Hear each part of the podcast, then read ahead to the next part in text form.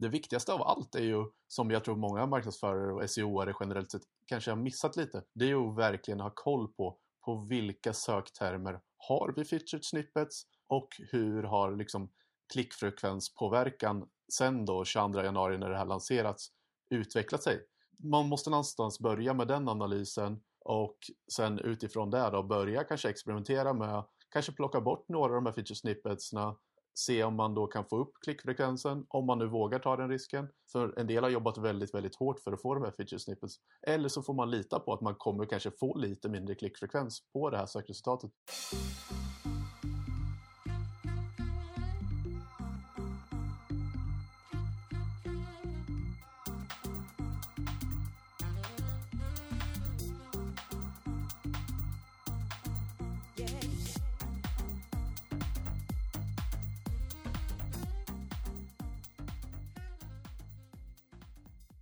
Välkommen tillbaka till Digital marknadsföring med Tony Hammarlund. Det här är en podd där jag intervjuar branschexperter och marknadsförare för att lära mig mer om digital marknadsföring. Mitt mål med podden är att bli en bättre marknadsförare och samtidigt dela med mig av intressanta samtal med några av Sveriges bästa marknadsförare. I avsnitt 39 testar jag ett nytt koncept i podden där jag tillsammans med en expertpanel diskuterar de viktigaste nyheterna och trenderna från 2019 och vad de innebär för oss marknadsförare här i Sverige. För det är väldigt viktigt att hålla sig uppdaterad och vad är då bättre än att höra nyheterna direkt från experter inom olika områden. Nu fortsätter vi på nyhetskonceptet men tar den här gången upp det viktigaste som hänt inom SEO, SEM och digital analys sedan årsskiftet. Med mig har jag Pontus Karlsson som är Chief Product Officer på Pineberry och Martin Winberg som är partner på 56K. Du får i det här avsnittet höra om Feature Snippets och Googles experiment i Serpen, prisjämförelse i Google Merchant Center varför verktyg som Ahrefs och Moz kan bli sämre framöver, nya möjligheter med Google Tag Manager, att tredjeparts-cookies fasas ut från Google Chrome och om data som försvinner från Google Analytics. Du hittar som vanligt länkar för vidare läsning om respektive nyhet i poddlägget på tonyhammarlund.io. Där hittar du även tidsstämplar till de olika inslagen i intervjun. Före vi kör igång så vill jag också meddela att podden har ett samarbete med Dagens Analys som är en riktigt bra sajt för oss som arbetar med digital marknadsföring. Så kolla in den om du inte redan gjort det på dagensanalys.se. Först ut i det här avsnittet är Pontus Karlsson för att dela med sig av vad som hänt inom SEO och SEM.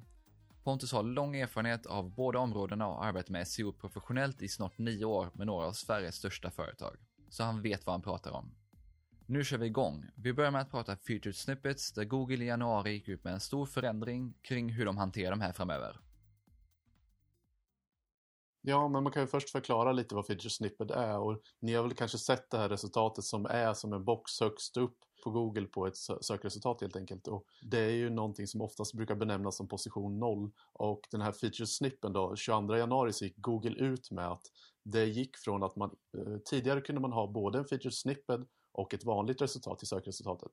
Det hade förändrats så Google har tagit bort det de kallar dedupliceringen, det vill säga att man kan bara ha den här feature snippeten om man har den. Så man kan helt enkelt bara ha ett enda resultat på första sidan helt enkelt. Och det här var ju någonting som faktiskt lanserades globalt direkt, vilket inte alltid är jättevanligt när Google rullar ut saker. Nej, de brukar väl testa det lite först innan de trycker på knappen och kör det över hela världen så. Ja, men verkligen. Och det var så lite fascinerande när de gick ut så och sa att från dag ett så var det 100% utrullat globalt. Eh, och att det här är ju någonting som påverkar ganska många i och med att det här med feature snippet är någonting som har rullats ut i större och större grad. Och det är därför så får det en enorm påverkan på mångas organiska trafik i slutändan helt enkelt. Varför tror du att Google gör det här då? Nej men det handlar väl om att de för användaren helt enkelt bara vill presentera ett resultat en gång. Och det är ju egentligen ganska rimligt utifrån ett användarperspektiv. Men utmaningen som man kommer in på då är ju att så här, är det här feature snippet-resultatet lika bra som vilket annat resultat som helst? Det är den frågan man måste ställa sig som marknadsförare.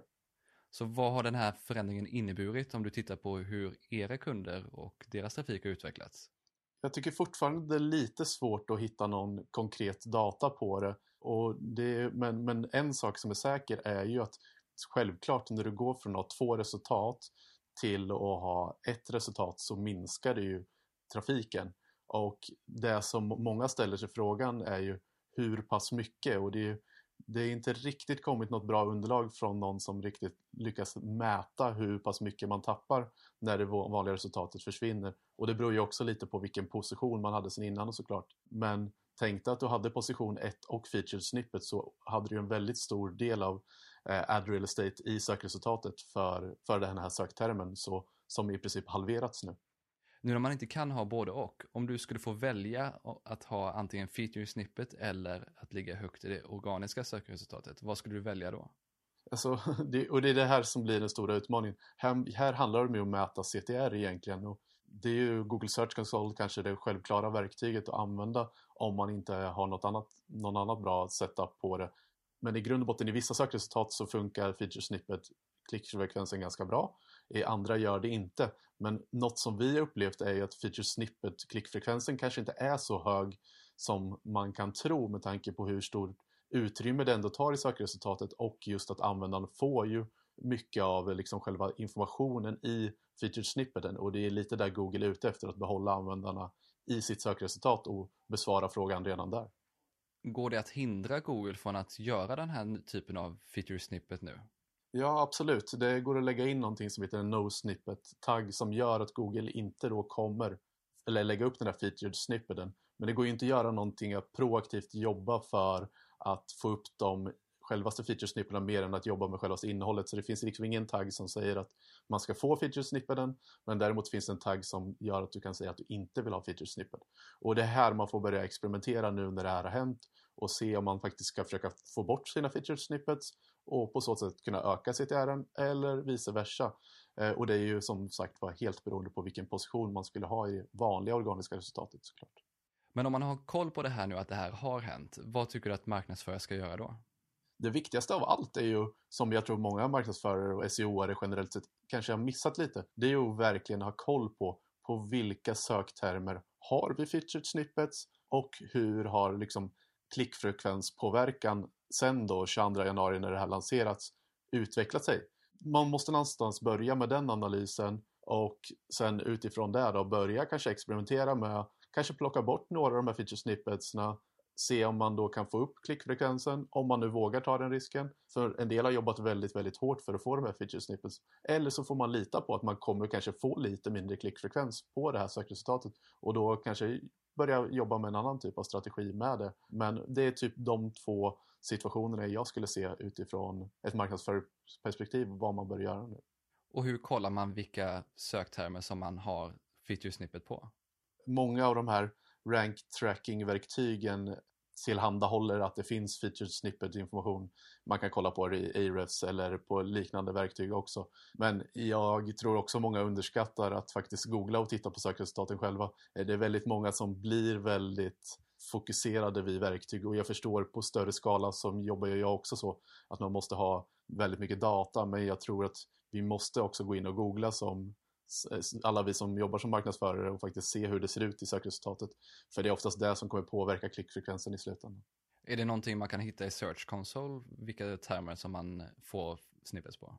Inte vilka som får snippets utan i Search Console då så mäts just feature snippets som en position. Så det enda du vet är egentligen att om du då har position 1, vilket det blir i, i, i Search Console, så har du helt enkelt, kan du ha feature snippet men du kan inte uttryckligen få ut den informationen vilka du har feature snippets för. Jag tycker det är jätteintressant för det här är en ganska stor förändring och någonting som där Google verkligen experimenterar med sökresultatet över hela världen samtidigt. De testar det inte bara på, på en marknad utan att det här är överallt direkt. Ja men verkligen och det är ju då det blir enormt stor påverkan och det kan vi ju liksom föra oss in på alla de här andra justeringar som Google testat senaste tiden med att de experimenterar med favvikonsen och annonsmärkningen i desktop-serpen. De eh, kom upp nu experiment med att de lyfter fram andra söktjänster i Google. På annonssidan så leker de mycket med discovery ads, det vill säga liksom bannerannonser på bredare söktermer. Så Google gillar ju alltid att experimentera och det är, någonstans måste vi vara snabba och adaptiva som marknadsförare och verkligen utnyttja situationen och vara beredda på hur det påverkar oss. För det är klart att det påverkar allas, alla bolags eh, marknadsföring när så här stora saker händer hos Google. Ja, för du nämnde ju Discovery Ads som är en ny sak som Google har börjat rulla ut på fler och fler marknader. Och en annan nyhet är just vad man gör inom Google Shopping. För där har man ju släppt någon typ av ny jämförelsefunktion. Vad är det som de har gjort där? Ja men precis. 10 februari så lanserade då Google en ny rapport i Google Merchant Center som då är verktyget som alla e-handlare använder för att kunna köra igång med Google Shopping helt enkelt och ladda upp sina produkter. Och där släppte de en ny prisrapport och den här innebär liksom att den har prisdata från 14 oktober förra året. Och Google blir ju väldigt mer, eller Google Shopping är ju en prisjämförelsetjänst i mångt och mycket. Och många av de uppdateringar som har kommit kring Merchant Center och Google Shopping sista tiden har varit priskopplade. Så det är väldigt intressant hur Googles ökade fokus på liksom pris i Google Shopping är så extremt viktigt. Varför tror du att det är det då? Nej, men jag tror att Google någonstans har insett att användarna vill ju såklart hitta produkter som har bäst pris. Och också vi som marknadsförare har en så extremt viktig del i det här med att visa rätt produkt i Google Shopping för rätt användare i rätt situation. Och där är ju priset en jätteviktig faktor för att om du söker efter en, en, en viss produkt så vill du ju köpa den billigaste som användare och det är där någonstans Google också är inne och gräver väldigt mycket nu att ska de visa produkter som har det bästa priset för just det som, som köparen vill ha. Det vill säga det handlar lite om användarupplevelse i, i, min, i slutändan för, för slutkunden. Och för mig som inte då jobbar så mycket med e-handel själv och inte har stenkoll på Google Shopping, hur kan man använda den här rapporten eller den här funktionen? Nej, men någonstans så kan vi alla tänka tillbaka, även om vi inte jobbar så mycket med e-handel som kanske jag och många kollegor med mig har gjort, så förstår man ju att såklart har man ett bra pris så är det lättare att sälja en vara. Och jag tror att det man måste tänka på i det här verktyget handlar mycket om att titta på när har vi bättre pris än konkurrenterna och hur påverkar det då vår försäljning? Att helt enkelt lägga prisstrategin som en del i hur vi ska annonsera på olika varor. Och utmaningen som man ofta ställer inför kunderna här handlar ju om att har de ett bra pris så kanske de har sämre marginaler och sådana aspekter som man också måste väva in i det hela. Så allt handlar i slutändan om att försöka visa den produkten som vi tror att vi kan sälja till slutkunden men samtidigt tjäna så mycket marginal som möjligt såklart för, för kunden. Därför blir priset så viktig fråga för att pris är någonting som är dynamiskt och hela tiden en konkurrenssituation som kanske rör sig bortom de buden vi gör i själva Google Ads. Hur får man tillgång till den här rapporten? Är det någonting som man har automatiskt när man kör Google Shopping eller behöver man göra någonting för att få tillgång till det? Nej, det är någonting som man, eh, alla, alla har automatiskt i Google Merchant Center. Så det, det, kommer finnas en, ni kommer se att det finns en ny flik där inne i Google Merchant Center där du kan hitta den här prisrapporten. Och jag kan rekommendera alla att gå in och titta och experimentera lite med den. Det, den ursprungsgrafen som någonstans man, man får fram där eh, ger en väldigt, väldigt tydlig överblick över hur prisläget för just den här eh, handlaren ser ut idag. Och någonstans ger den första insikt. Det jag tycker är lite tråkigt med rapporten för mig som gillar att nörda ner ännu mer det är att jag inte hittat något bra sätt att exportera datan vidare än så länge och, och göra egna beräkningar på det i till exempel Excel eller så. Så att det, det, är lite, lite begränsande än så länge men det är också en väldigt ny rapport från Google så vi får väl se om de släpper den här datan via något API eller någonting framöver men ingenting jag sett än så länge. Men hur kan man som marknadsförare använda den här informationen för att marknadsföra sig bättre i Google Shopping?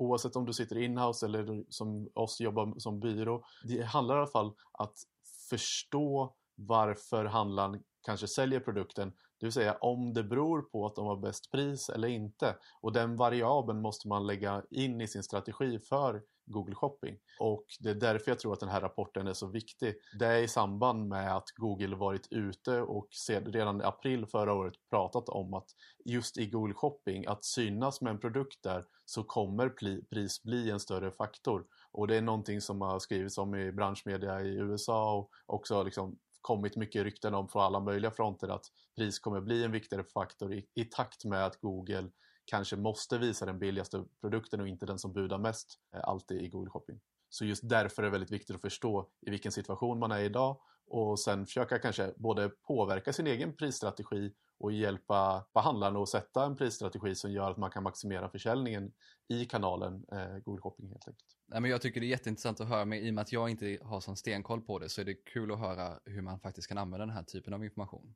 Sista nyheten för idag är en bomb som slog ner i januari och det är ju att Avast lägger ner deras företag Jumpshot. Vad är det som har hänt och varför är det här viktigt att känna till för marknadsförare? Ja, men jag tycker det här har gått lite under radarn och för mig var det en väldigt stor nyhet att, att JumpShot skulle läggas ner efter att JumpShot varit deras dataleverantör som har helt enkelt sålt eh, 435 miljoner användares data som så kallad clickstream-data. Det vill säga att de har sålt vidare deras användarbeteende någonstans till andra aktörer, till tredjepartsverktyg och liknande på marknaden helt enkelt. Jag har hört det här clickstream-data flera gånger, så men vad innebär det egentligen? Ja, men clickstream-data är ju någonstans användardata på hur användarna rör sig på till exempel webben. Och det kan ju vara allt ifrån hur, hur många klick en användare gör på ett specifikt sökresultat. Om en, om en användare generellt sett klickar på två eller tre resultat eller om de återkommer och gör samma googling flera gånger.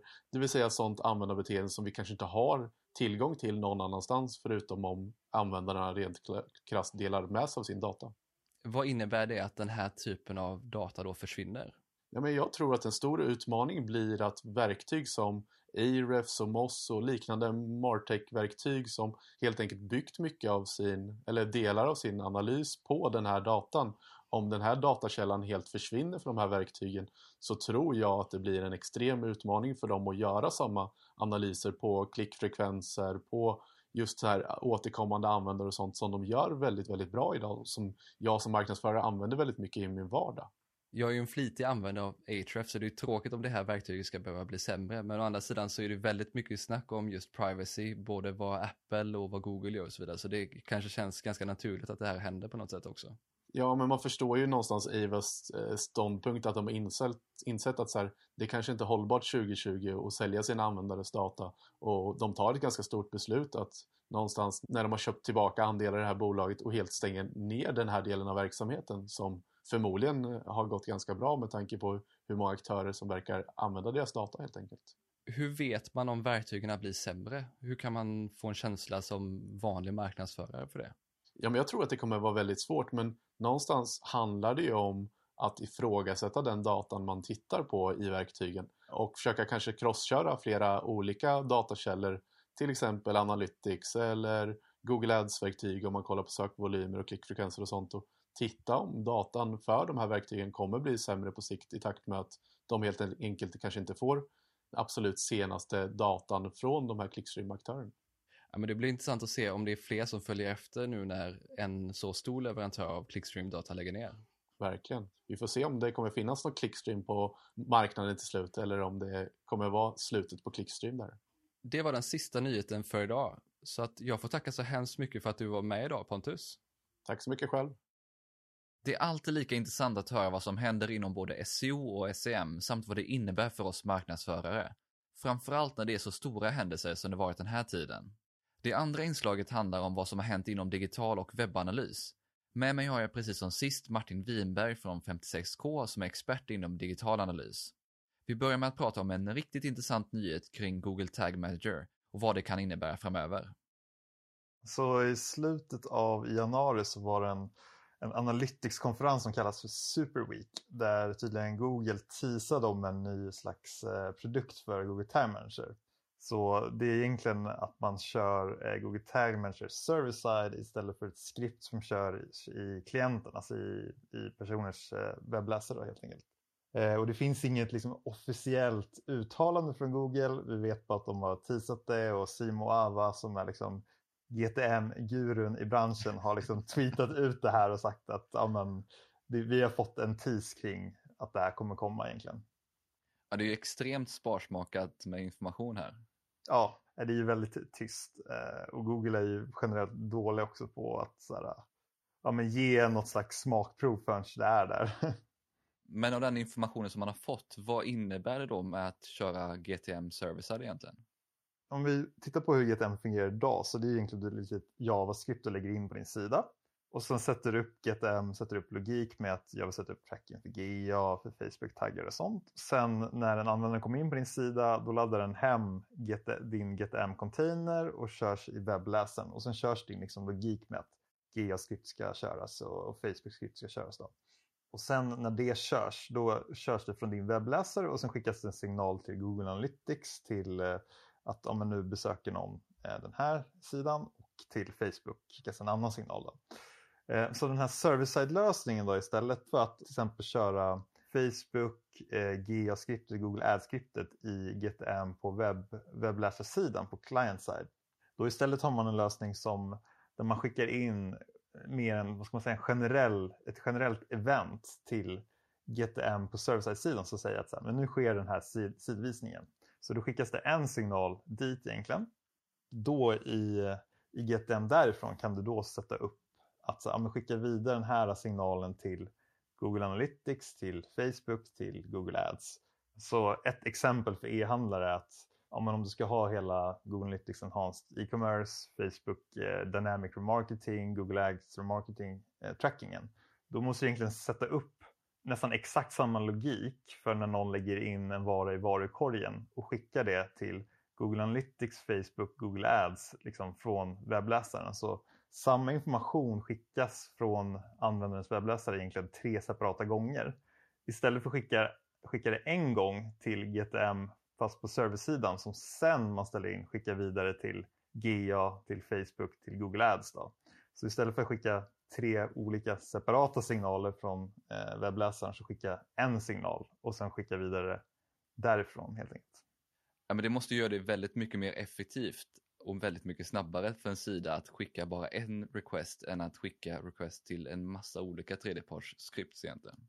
Ja men exakt och det, det man tänker på också att både att skicka de här signalerna men nu så när du kör genom GTM då laddar ju den ner ett skript för Google Analytics, ett skript från Facebook, ett skript för Google Ads. Så du laddar ju ner så tre separata JavaScript bara för det här som ska initieras i webbläsaren. Då.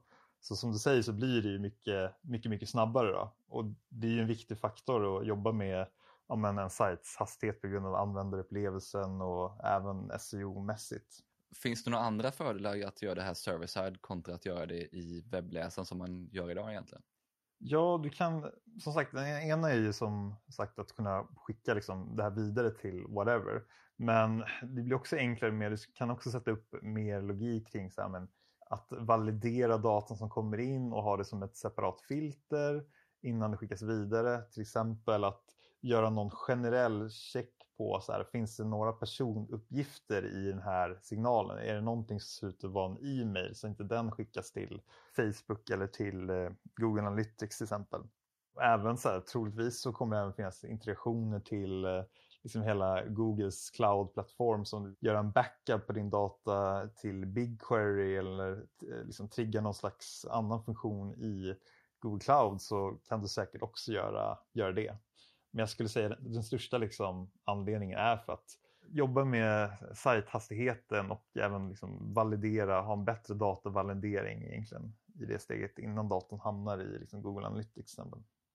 Vi har pratat om ITP ett antal gånger, både i expertpanelen här tidigare men också i ett helt avsnitt. Och då nämnde du just att ett sätt att kanske om man ska säga komma runt eller lösa problematiken med ITP är att just gå server-side. Mm. Är det någon fördel eller någonting som kommer kunna vara möjligt om man använder GTM server-side så här? Ja, alltså, du kan ju som sagt sätta en kaka server-side nu och den försvinner inte av ITP. Så du skulle ju kunna sätta en generell liksom, client-kaka med ett generellt ID i webbläsaren och använda det IDet för Google Analytics, Google Ads, andra system egentligen. Så ha någon slags en, en kaka som är generell och använda till alla system mer eller mindre. Ja, men det låter ju ganska intressant, men hur stort jobb är det att implementera den här typen av server-side-lösningar? Ja, för det första så sker ju det här på server-side-sidan så du kommer ju behöva ha, ha hjälp av någon, någon backend-utvecklare som kan sätta upp det här. Så det kommer inte vara så enkelt som med nu i GTM att det ska läggas in ett skript i, i koden på varje sida. Så det kommer behöva sättas upp logik men jag tror liksom eh, Google kommer nog vilja göra det så pass användnings, alltså användarvänligt och göra tydliga guides med hur man gör det här skulle jag gissa på.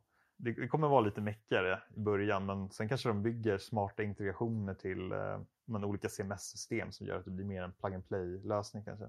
För vilka typer av sajtägare är det här allra mest intressant att kolla på den här typen av lösningar som ändå kräver lite förmodligen då integration också?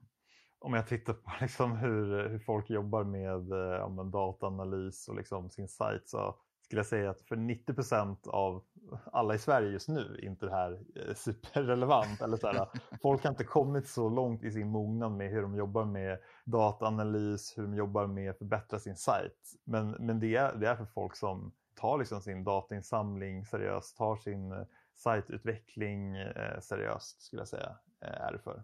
Varför tror du att Google gör det här egentligen?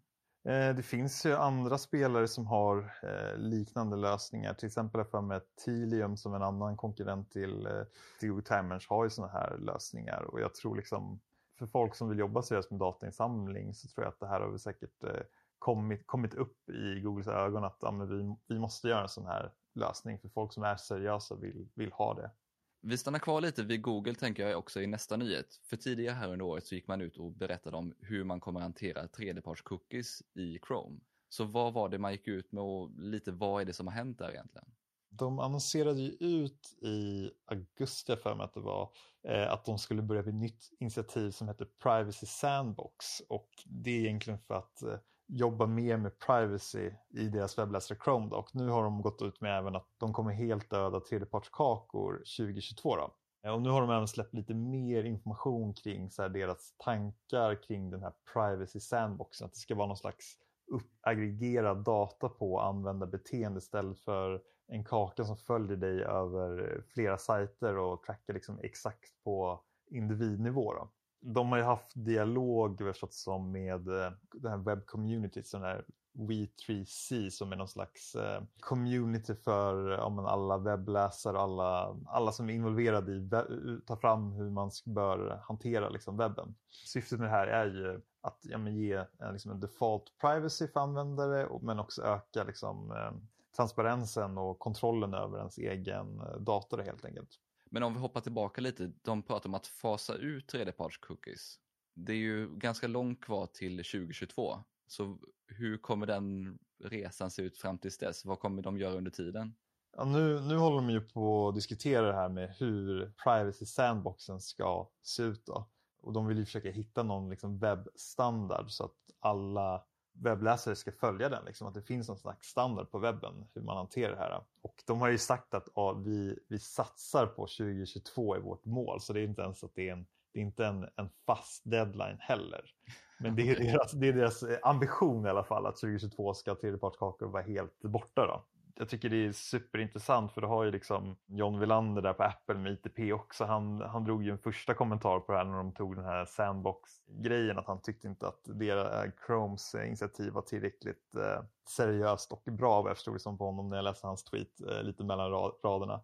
Google har ju tjänat sina pengar på all den här datan egentligen så det blir lite konstigt att de ska göra någon slags privacy take och initiativ på det här medan deras affärsmodell är att de tjänar pengar på data också. Då är det lite mer trovärdigt när om en Apple gör sina privacy-initiativ för de tjänar inte pengar på att sälja sin data till annonsörer. Men kan du berätta lite mer om vad den här Privacy Sandbox är för något?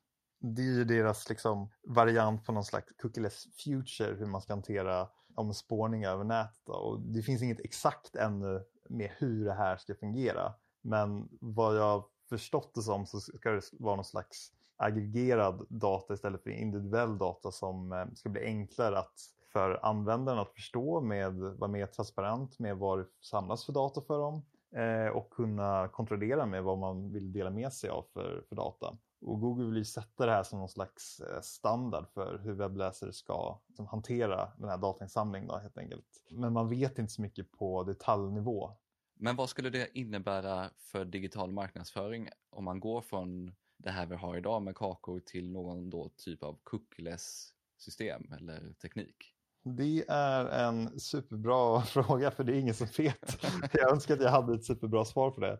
Eh, men eh, det, det har jag faktiskt inte. Det ska väl vara något mellanting mellan typ spåra allt över alla domäner till att vi har inga kakor alls och försöker blockera allt kring tracking. Så det är väl att Google försöker hitta något mellanting egentligen som ger viss privacy men fortfarande viss data för annonsörer. Den approachen kan jag väl tycka liksom, ehm, den är väl ganska, det är väl ganska rimlig kompromiss tänker jag för det är ändå så här annonsörer och eh, publishers tjänar ju pengar på den här datan också till viss del. Så man vill ju inte heller bara helt döda det. Ja, men det låter ju som att det faktiskt skulle kunna vara en intressant lösning att man kan fortfarande nå målgrupper men du kanske inte kan nå mig som person eller retargeta mig som person specifikt. Ja men exakt, så det blir någon slags målgruppering har jag förstått som. Och det, det viktiga också tycker jag som är bra att de ska göra det tydligare med ja, men så här, vad är det för något som spåras så man som användare kan ja, men förstå det. Man kan också enklare ställa in vad man vill ska trackas och inte, liksom ge mer kontroll och eh, transparency helt enkelt.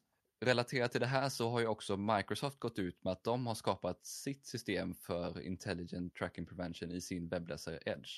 Har du någon koll på vad det här innebär och vad det är de har gjort i Edge egentligen?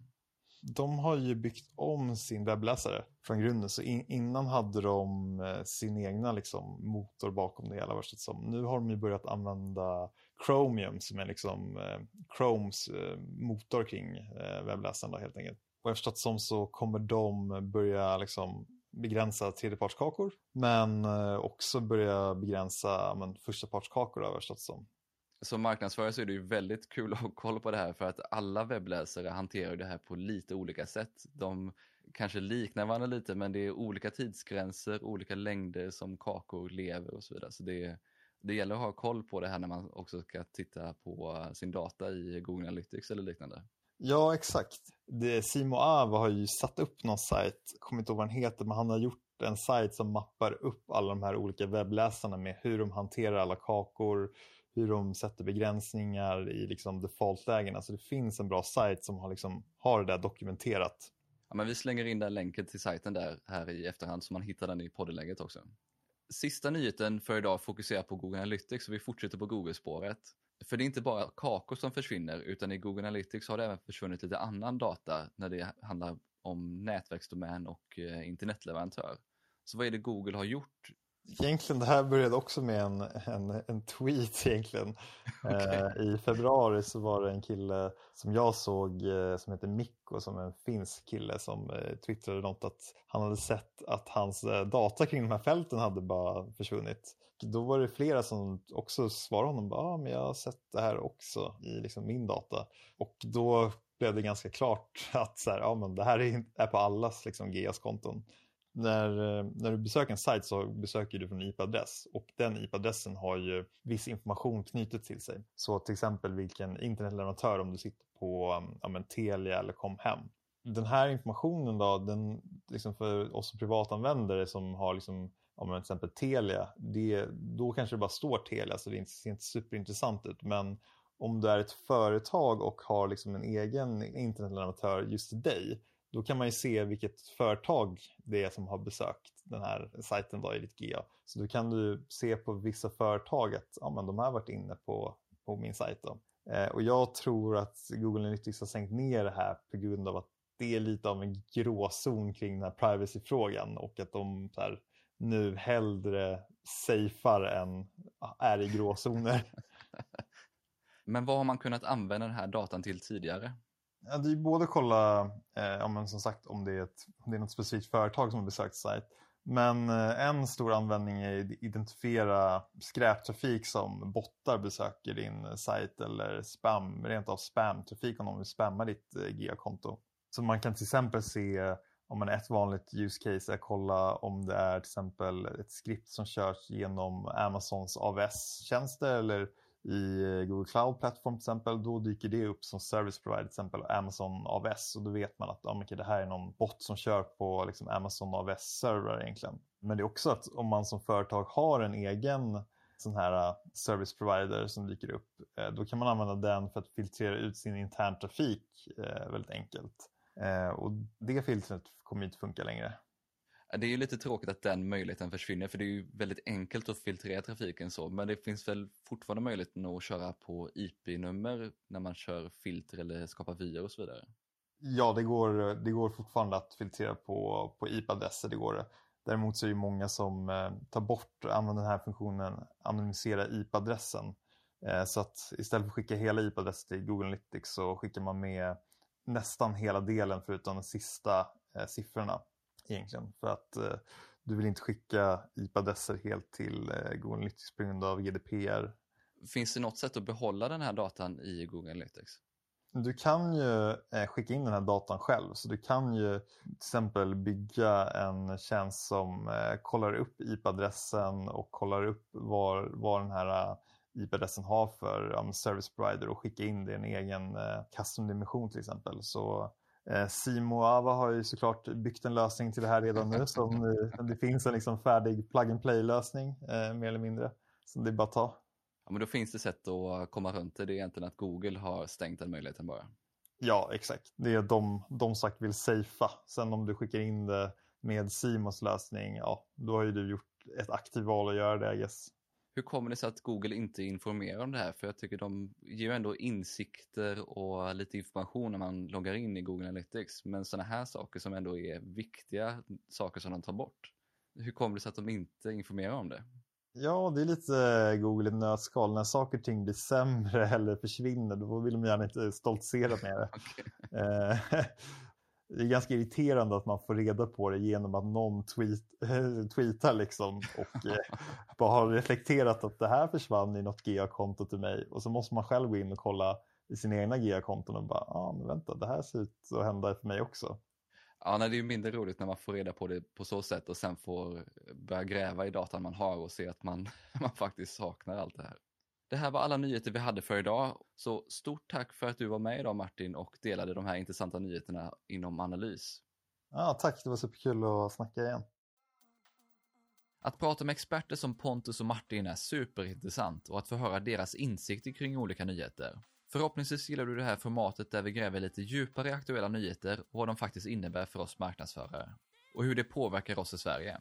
Då det är ett koncept jag håller på att testa så uppskattar jag verkligen din feedback. Antingen om du mejlar mig på tony.hammarlund.io eller om du skickar ett meddelande på LinkedIn. Du hittar länkar för vidare läsning kring alla de nyheter vi tog upp inne i poddenlägget på tonyhammarlund.io. Och har du frågor kring nyheterna så får du gärna ställa dem direkt i kommentarerna. Gillar du det här avsnittet och podden så får du inte glömma av att prenumerera och tipsa gärna andra om podden.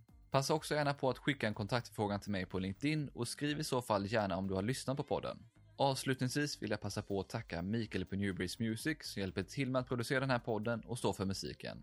Vi hörs snart igen med fler intressanta gäster och ämnen.